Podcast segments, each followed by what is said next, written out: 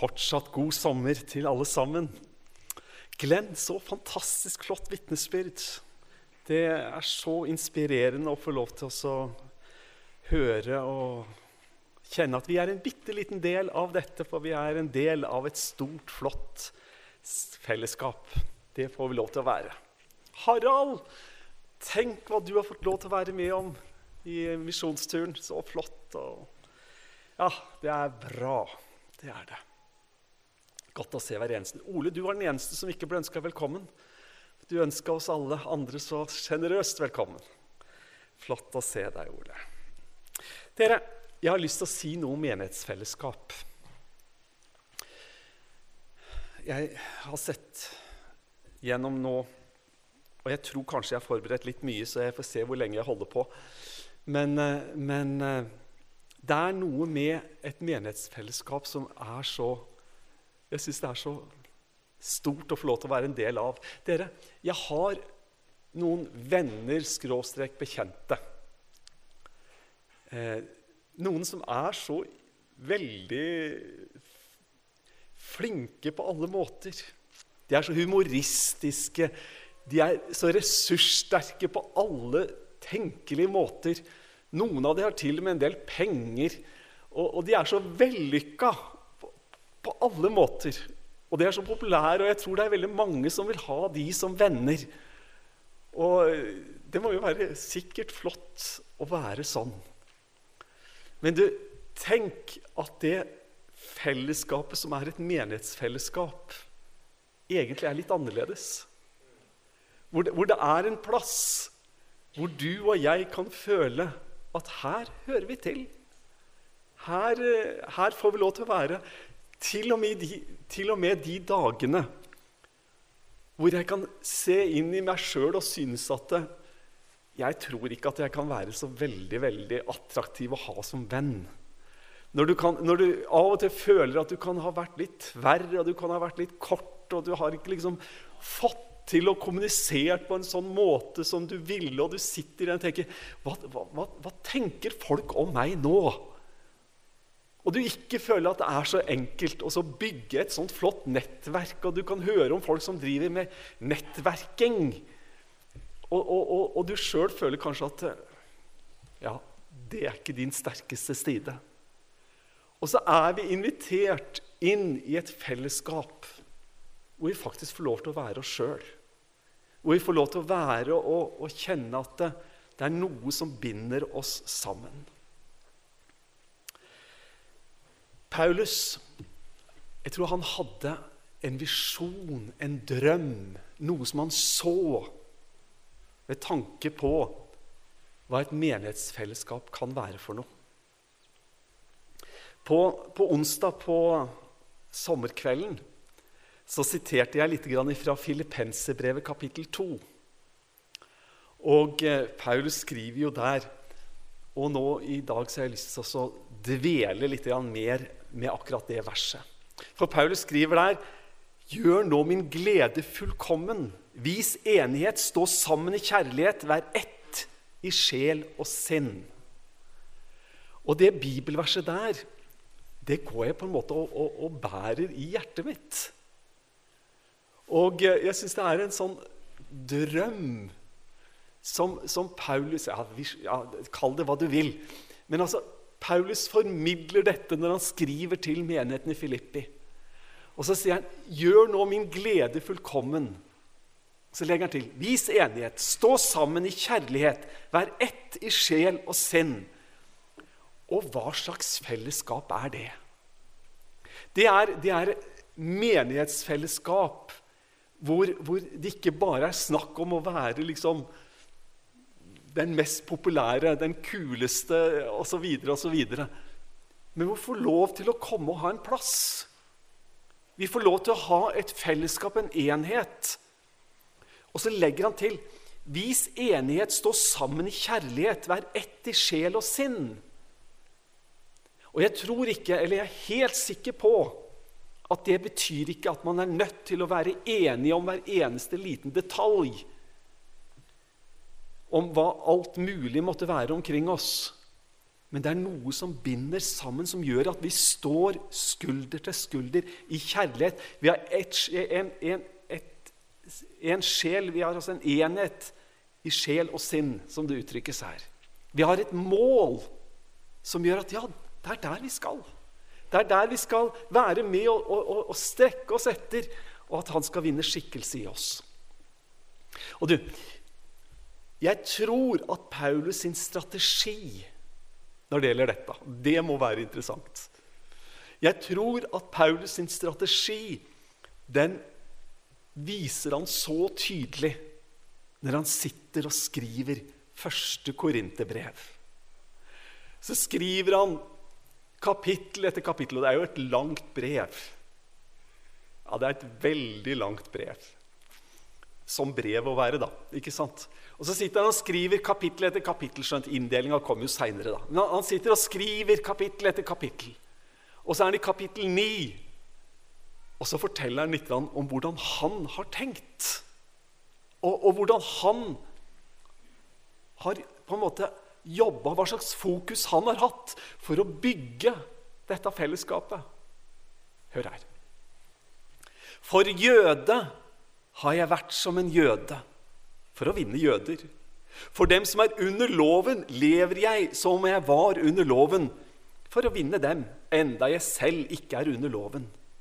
For dem som ikke har noen lov, lever jeg som om jeg var uten lov, for å vinne dem, enda jeg ikke er uten lov for Gud, men er bundet av Kristi lov. For de svake er jeg blitt svak, for, de, for å vinne de svake. For alle er jeg blitt alt for i det minste å frelse noen. Det er jo nokså kjente vers, dette her, da. Men, men dette er nokså revolusjonerende. Altså at, at, Paulus kan formidle til disse leserne den gangen i Korint og til Guds menighet gjennom alle generasjoner og alle tider. At det er noe som er lagt ned i mitt hjerte, sier Paulus. Det er noe som gjør at jeg gjør i anførselstegn hva som helst. Jeg gjør hva som helst for å vinne noen med evangeliet. For at de skal høre, for at de skal kunne ta imot, for at de skal kunne forstå. For at de skal få lov til å eie denne frelsen. Og denne fleksibiliteten Jeg tror jeg kan kalle det det. Denne fleksibiliteten betydde jo ikke at Paulus var villig til å gjøre all verdens kompromiss ved tanke på evangeliet og ved tanke på det han sto for. Men han hadde dette i hjertet sitt, at han måtte nå ut. Jeg skal sitere for deg. Apostelens gjerninger, kapittel 17. Hør. Da sto Paulus fram midt på Arepogas og sa.: Atenske menn, jeg ser at dere på alle måter er svært religiøse. For da jeg gikk omkring og så på deres helligdommer, fant jeg et alter med denne innskriften For en ukjent Gud. Det som dere tilber uten å kjenne, det forkynner jeg dere. Og så legger han ut evangeliet. Jeg har møtt noen folk som har følt det var så viktig å si 'Jeg er ikke religiøs'. Og jeg kan strekke meg, jeg kan fullt ut forstå hva de mener. Og, og, og jeg har ingen problemer med å forstå hva de mener. Men av og til så stiller jeg meg spørsmålet hvorfor, hvorfor sier de det? Hvorfor er det så viktig for noen å si 'jeg er ikke religiøs'? Og jeg, jeg, jeg kan jo gi noen svar på det. Jeg forstår det. Men Paulus i denne sammenhengen var ikke opptatt med å bygge et skille overfor den avgudsdyrkelse som jeg tror egentlig det var det som pågikk. De dyrka et eller annet gudebilde og et eller annet, og det var en hel Altså, Avgudsdyrkelsen var jo utbredt. Og han, han, var ikke opptatt med å bygge den barrieren for å tydeliggjøre at dette er noe annet. Men han hadde en, en annen tilnærming. Og Så kommer han og så sier han, jeg ser at dere er religiøse som, som om det er noe bra. Og så begynner han å si det at den Gud som dere dyrker Dere forstår ikke, og dere vet ikke, og denne til en ukjent Gud Nå skal dere få høre. Jeg, jeg har funnet den eneste levende, sanne Gud. Og så legger han ut Skriften. Så legger han ut vitnesbyrdet, og så forteller han om den Gud som han tror på. Du, han inviterer inn til et fellesskap. Fellesskap, forsamling Skal ikke dvele for mye med det. Men, men eh, det er i ordet forsamling, eklesia, så er det en veldig klar og tydelig innhold i at man blir kalt ut av noe, inn i noe, og det bygges noe som er et reelt fellesskap, avgrensa men dog åpent.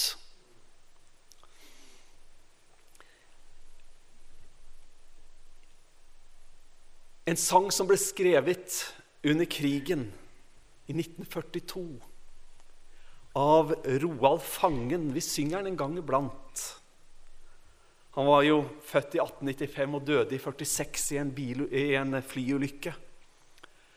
Og satt i fengsel en del av krigen, et års tid.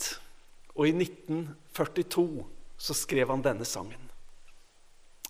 Guds menighet er jordens største under.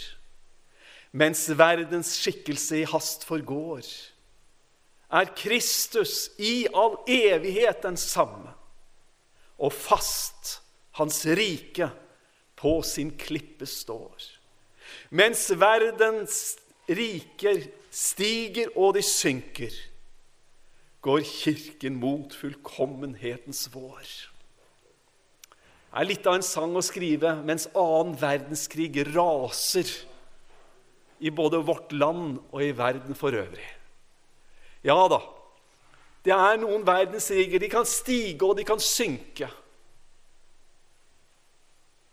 Men Guds rike, det kommer til å stå fast. Guds menighet er jordens største under. Dette fellesskapet, det kommer til å vare. Altså, Dødsrikets porter skal ikke overvinne dette som kalles de helliges samfunn. Hvor du ikke er nødt til i deg selv å være så fullkommen og vellykka. Hvor du ikke er nødt til å være så populær og nødt til å ha den mest perfekte fasade og personlighet.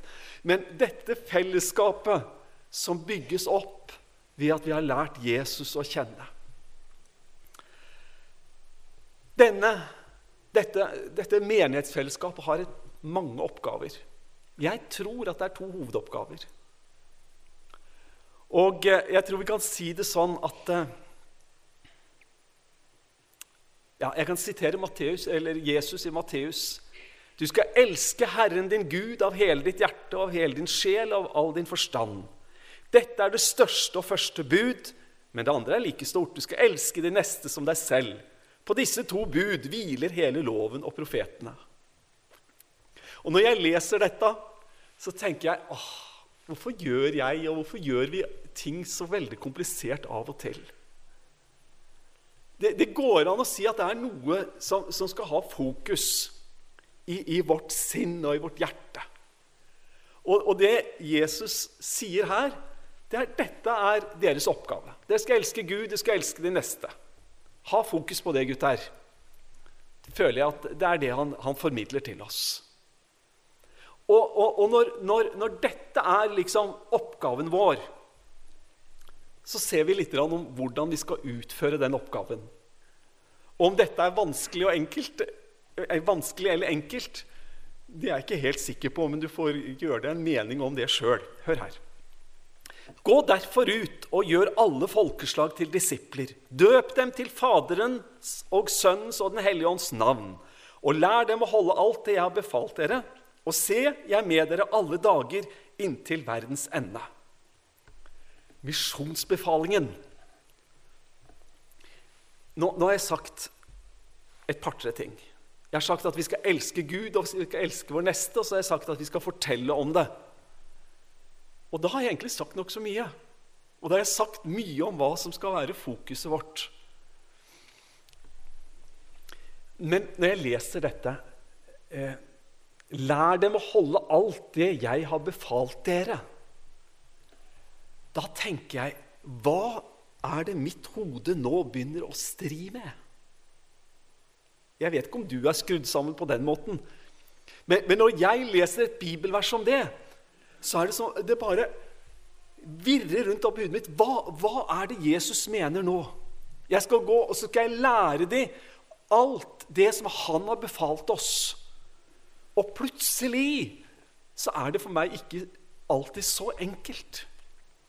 For hvordan skal jeg kunne klare å, å lære folk å gjøre alt det som Jesus har befalt? Og så dveler jeg ved disse tankene.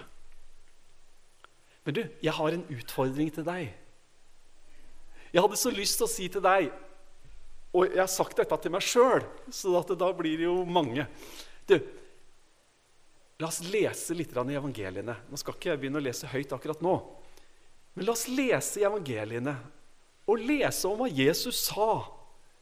Hva, hva var det som var viktig for Jesus å si i de forskjellige situasjonene. Og vi møter han jo i Matteus, Markus, Lukas, Johannes evangelium. Og Når vi leser alle disse fire evangeliene, selv om mye går igjen fra evangelium til evangelium, men det er jo bare flott, for da får vi jo belyst det fra litt forskjellige synsvinkler. Og Når vi leser hva Jesus var opptatt av, det må være spennende. Og det tror jeg må være viktig. For, for han, han, sa jo det at vi må lære og vi må undervise de som vi skal vinne for himmelen. Vi må undervise dem om det som Jesus har befalt oss. Og Da må vårt fokus bli på det han har sagt. Da må fokuset bli på det Jesus formidla. Det tror jeg vi må ha et enda større fokus på. Det tror jeg jeg må ha et større fokus på i, i min hverdag og i mitt hjerte. Og jeg ber så ofte denne bønnen. Det tror jeg du også ber. Jeg ber om Å, Jesus, må du vinne skikkelse i meg. Og, og, og, altså, for å si det på en annen måte Å, Jesus, hjelp meg til å bli mer lik deg. Og Ofte når jeg ber den bønnen, så er det litt i fortvilelse. Når man erkjenner at åh, avstanden opp til deg er så uendelig stor. Men, men, det har jeg lært meg på en måte til å leve med. Avstanden opp til han, den er stor. Men, men allikevel, lengselen etter at Gud, du må vinne skikkelse i oss.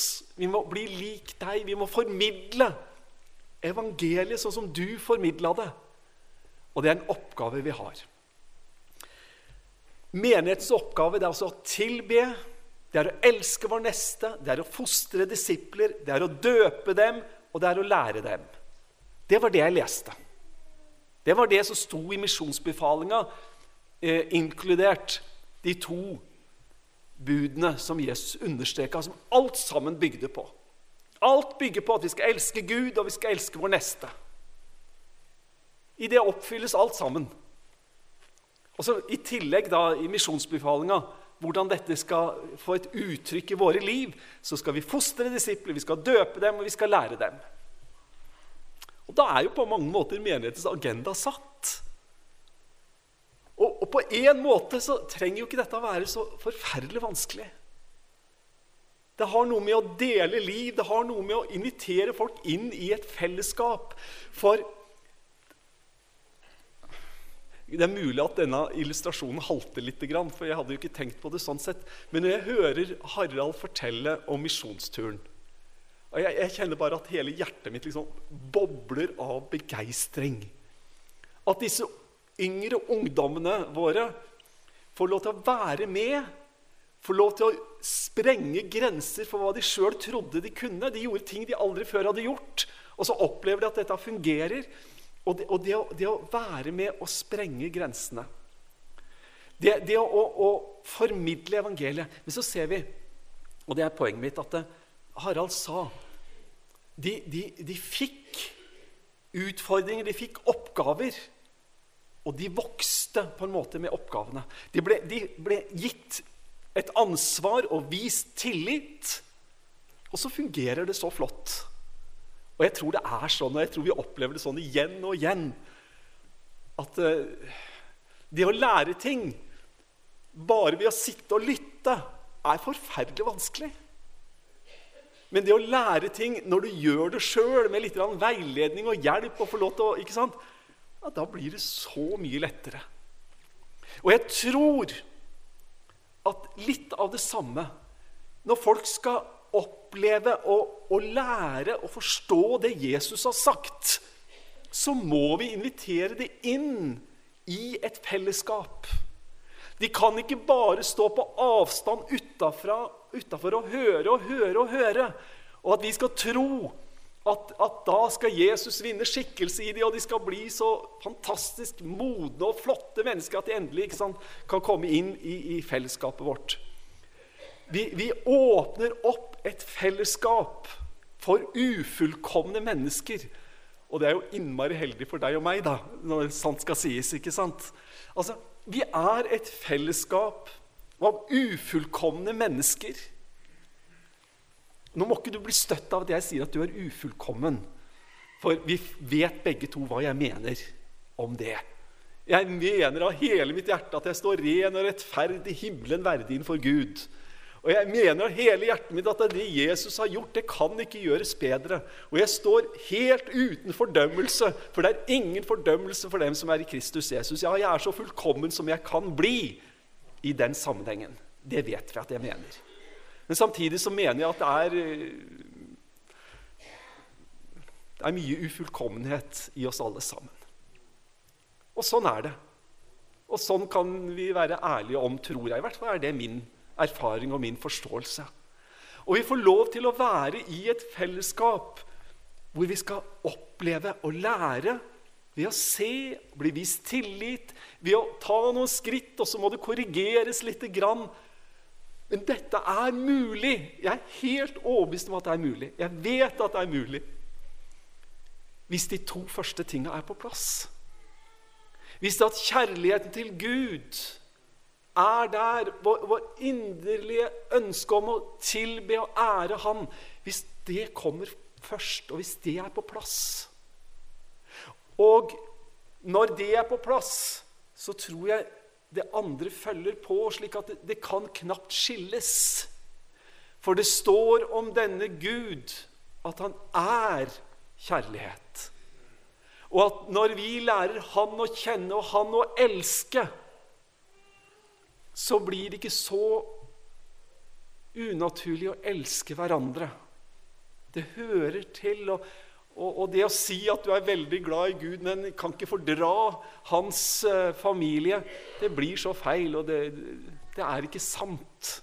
Man elsker ikke Gud hvis man ikke elsker hans folk. Det, det lar seg ikke skille på den måten der. Så hvis at vi elsker Gud, og når vi elsker hverandre, så blir denne, dette menighetsfellesskapet Da blir det den utdannelsesplattformen, stedet, hvor vi kan invitere folk inn, og hvor vi får lov til å ha en plass sjøl.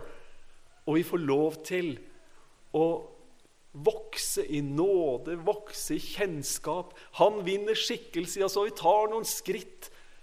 Og dette fellesskapet er det fostrende fellesskapet som må være der hvis de skal fostre disipler, døpe dem og lære dem jeg har døpt noen, og jeg har vært og ønsker fortsatt å være det sjenerøs når det gjelder hvem vi døper. Så jeg har døpt folk som ikke har gått inn i menigheten vår. Noen ganger har det vært helt enkelt for meg. Visste at de, de, de var egentlig en del av et annet menighetsfellesskap, hvor de hadde sitt åndelige hjem, men så ønska de å bli døpt som troende, f.eks og kom da øh, hit for å bli døpt her, selv om den menigheten som de tilhørte, ikke praktiserte troende ståp på den måten som vi har. For Da hadde de et menighetsfellesskap, og det var helt ukomplisert for meg å bidra med, med dåp i en sånn sammenheng. Bare som et eksempel. Men jeg har også gjort det der folk ikke hadde noe fellesskap, for de ikke ville gå inn i noe fellesskap, men de ønska å bli døpt. Men det har jeg slitt litt med. Men jeg tenker at vi får ta det skritt om skritt. Og, og det å nekte folk å bli døpt, og, og, på en måte at de opplever at at det blir som en tvang, det, det, ønsker jeg ikke å gjøre. Eh, men egentlig for at altså, Dåp og menighet og fellesskap det hører egentlig sammen i den forstand at vi inviteres med på, på å dele liv. Vi inviteres med til å være med og hjelpe hverandre og ta imot hjelp og gi hjelp. Og, og, og når Jesus sier at vi skal fostre, vi skal døpe, vi skal lære, så er det noe som skal ikke være en engangshendelse, selv om dåpen er det. Men det er bare en del av å dele liv. Derfor tror jeg at dette er så viktig at vi ser på og forstår på en måte som en, som en helhet som noe som skal være der for menigheten. Jeg har lyst til å lese fra Johannes evangelium kapittel 17 og vers 4. Der står det Jesus ber. Jeg æret deg på jorden da jeg fullførte den gjerning du ga meg å gjøre. Og jeg sier, kjære, kjære, gode Gud. Jesus sier dette er i en litt spesiell situasjon. Vi vet det. Nå er det Getsemanehagen. Nå er det korsdøden som venter. Nå er det mørket som snart skal senke seg over hele Golgata-høyden. Og han ut av mørket skal rope, 'Min Gud, min Gud, hvorfor har du forlatt meg?' Ja da, han vet hva som venter. Og Så ser han tilbake på livet sitt, og så sier han jeg æret deg på jorden da jeg fullførte den gjerning du ga meg å gjøre. Jeg har sagt, altså litt tidligere nå i formiddag, at vi skal tilbe Gud. Hva tilbedelse av Gud er for noe, det kan vi lure på. Jeg tror det er mange ting, og jeg tror vi opplever det forskjellig. Og jeg har absolutt